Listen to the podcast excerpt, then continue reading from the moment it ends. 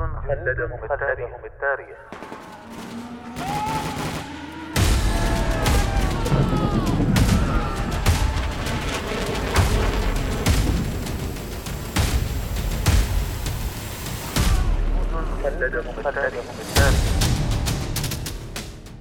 كم يفخر التاريخ العسكري برجال كتبوا سيرهم في سجلاته بحروف من الجهد والتضحية والعطاء. فبقت أسماؤهم خالدة باقية مثالا لمعنى الجندية التي دبت خطواتها كل شبر من أرض الوطن. جنود خلدهم التاريخ. برنامج أسبوعي نتعرف من خلاله على الجنود الذين ضحوا بحياتهم من أجل أوطانهم.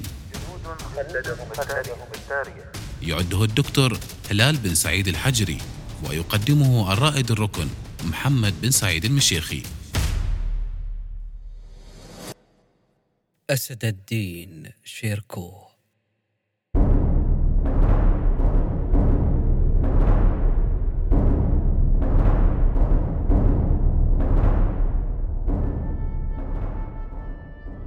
شكلت سيرة البطل الأيوبي أسد الدين شيركو مادة مهمة للمؤرخين العرب القدامى الذين سجلوا أدق التفاصيل عن حياة هذا البطل العظيم والظروف التي جاءت به هو وبقية أفراد أسرته من وسط آسيا إلى بغداد عاصمة الخلافة الإسلامية.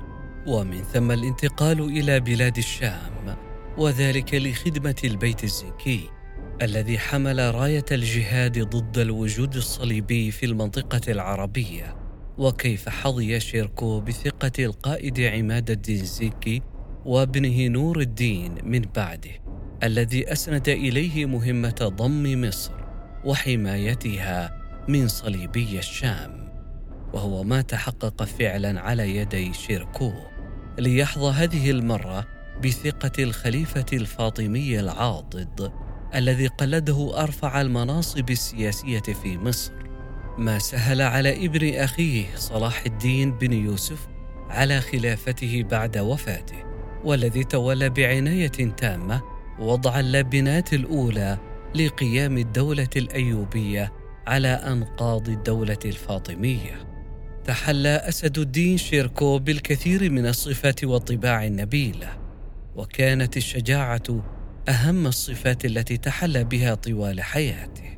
وظلت ملاصقة له حتى مماته وكانت سببا في شهرته وتقلده أرفع المناصب العسكرية سواء فترة إقامته ببغداد التي وصلها من قلب آسيا وخدم فيها بهروز الخادم قائد شرطة بغداد هو وبقية أفراد أسرته أو بعد انتقاله إلى بلاد الشام.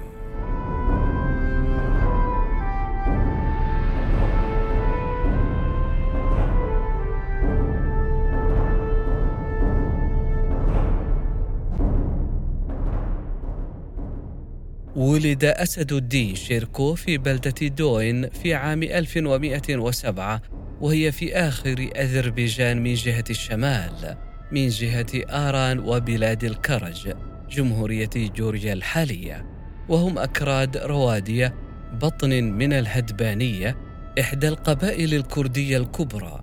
ونشأ هو وأخوه نجم الدين أيوب والد السلطان صلاح الدين الأيوبي بمدينة تكريت وذلك لما كان أبوهما شادي بن مروان نقيب قلعتها وكان نجم الدين يكبر أسد الدين ويغلب على نجم الدين رجاحة العقل والحكمة في حين كان أسد الدين كالشهاب الحارق لا يصبر على إساءة أو عدوان أو انتهاك حرمات. ظل أسد الدين شيركو في خدمة الأمير عماد الدين زنكي وخاض معه كل حروبه ضد الصليبيين وكان معه يوم فتح مدينة الرها وكان عماد الدين يحبه ويقدره لأنه كان مثله بطلا شجاعا لا يهاب الموت. وظل هكذا حتى كان معه في معسكره ليلة أن قتل عماد الدين وعندها قام أسد الدين شيركو بدور في غاية الأهمية.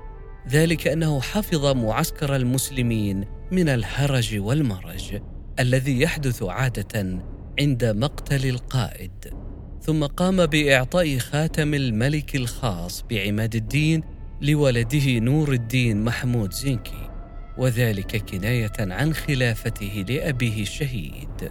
ثم قام بحراسة نور الدين محمود حتى وصل سالما آمنا إلى مدينة حلب فعرف نور الدين هذا الجميل لأسد الدين وصار من أقرب الناس إليه ومن ذلك اليوم أصبح أسد الدين شيركو قائد جيوش نور الدين محمود أمير دمشق والشام الجديد وأصبح أخلص وأقوى أمراء الجيوش الشامية ورجل المهام الصعبة الذي يعتمد عليه نور الدين محمود في النوازل وصعاب الأمور وكان له المواقف والبطولات المشهورة.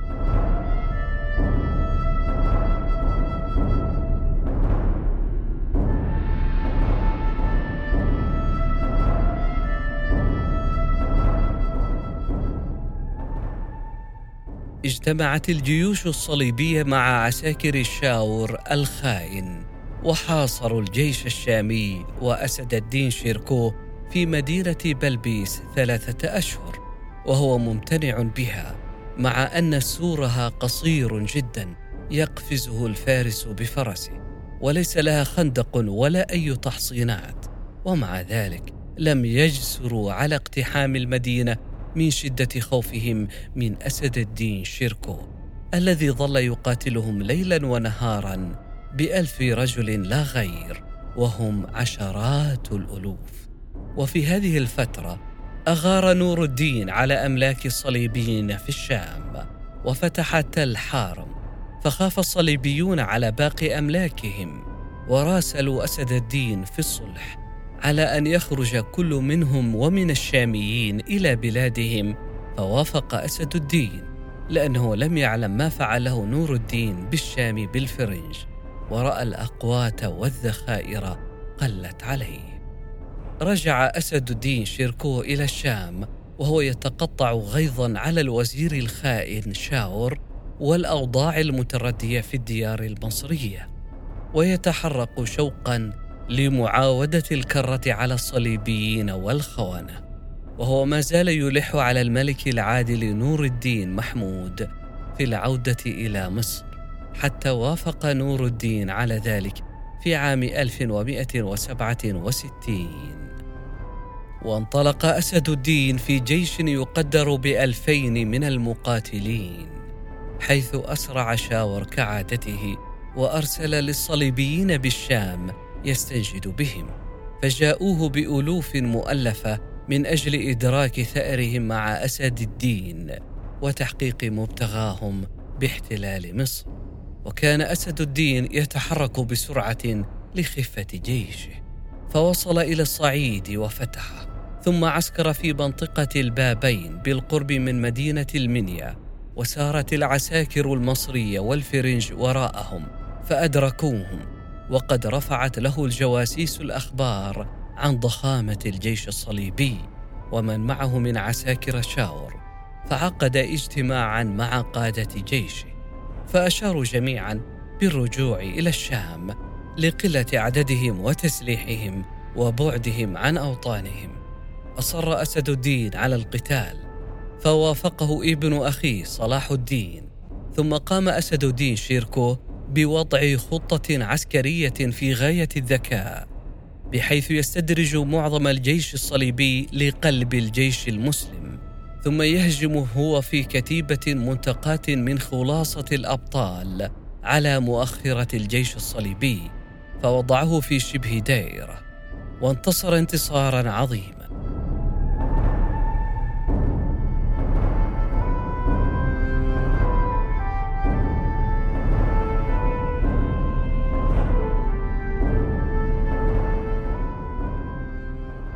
أخذ أسد الدين شيركو في التدبير والعمل من أجل إسقاط الدولة الفاطمية وتوحيد مصر والشام تحت حكم نور الدين محمود خاصة بعد إلحاح الخليفة العباسي المستضيء بأمر الله على ذلك الأمر ولكن القدر المحتوم والأجل المكتوب جاء للأسد في ميعاده المعلوم. فأصيب بذبحة صدرية قتلته في عام 1169 بعد أن حقق مراده وكلل سعيه وجهاده الطويل بضم مصر. ولقد خاض هذا البطل أكثر من 150 موقعة وتعرض للشهادة في كل موطن وسعى لها سعيا حثيثا ولكنه مات على فراشه لقد كانت سيرة هذا البطل ترجمة حقيقية لحياة الرجل المجاهد المعتز بدينه وإسلامه ووطنه. وهكذا أصبح من الجنود الذين خلدهم التاريخ.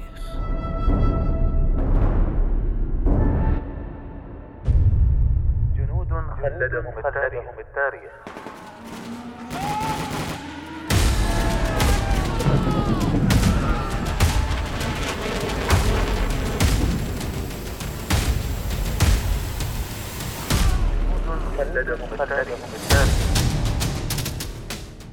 كم يفخر التاريخ العسكري برجال كتبوا سيرهم في سجلاته بحروف من الجهد والتضحية والعطاء فبقت أسماؤهم خالدة باقية مثالا لمعنى الجندية التي دبت خطواتها كل شبر من أرض الوطن.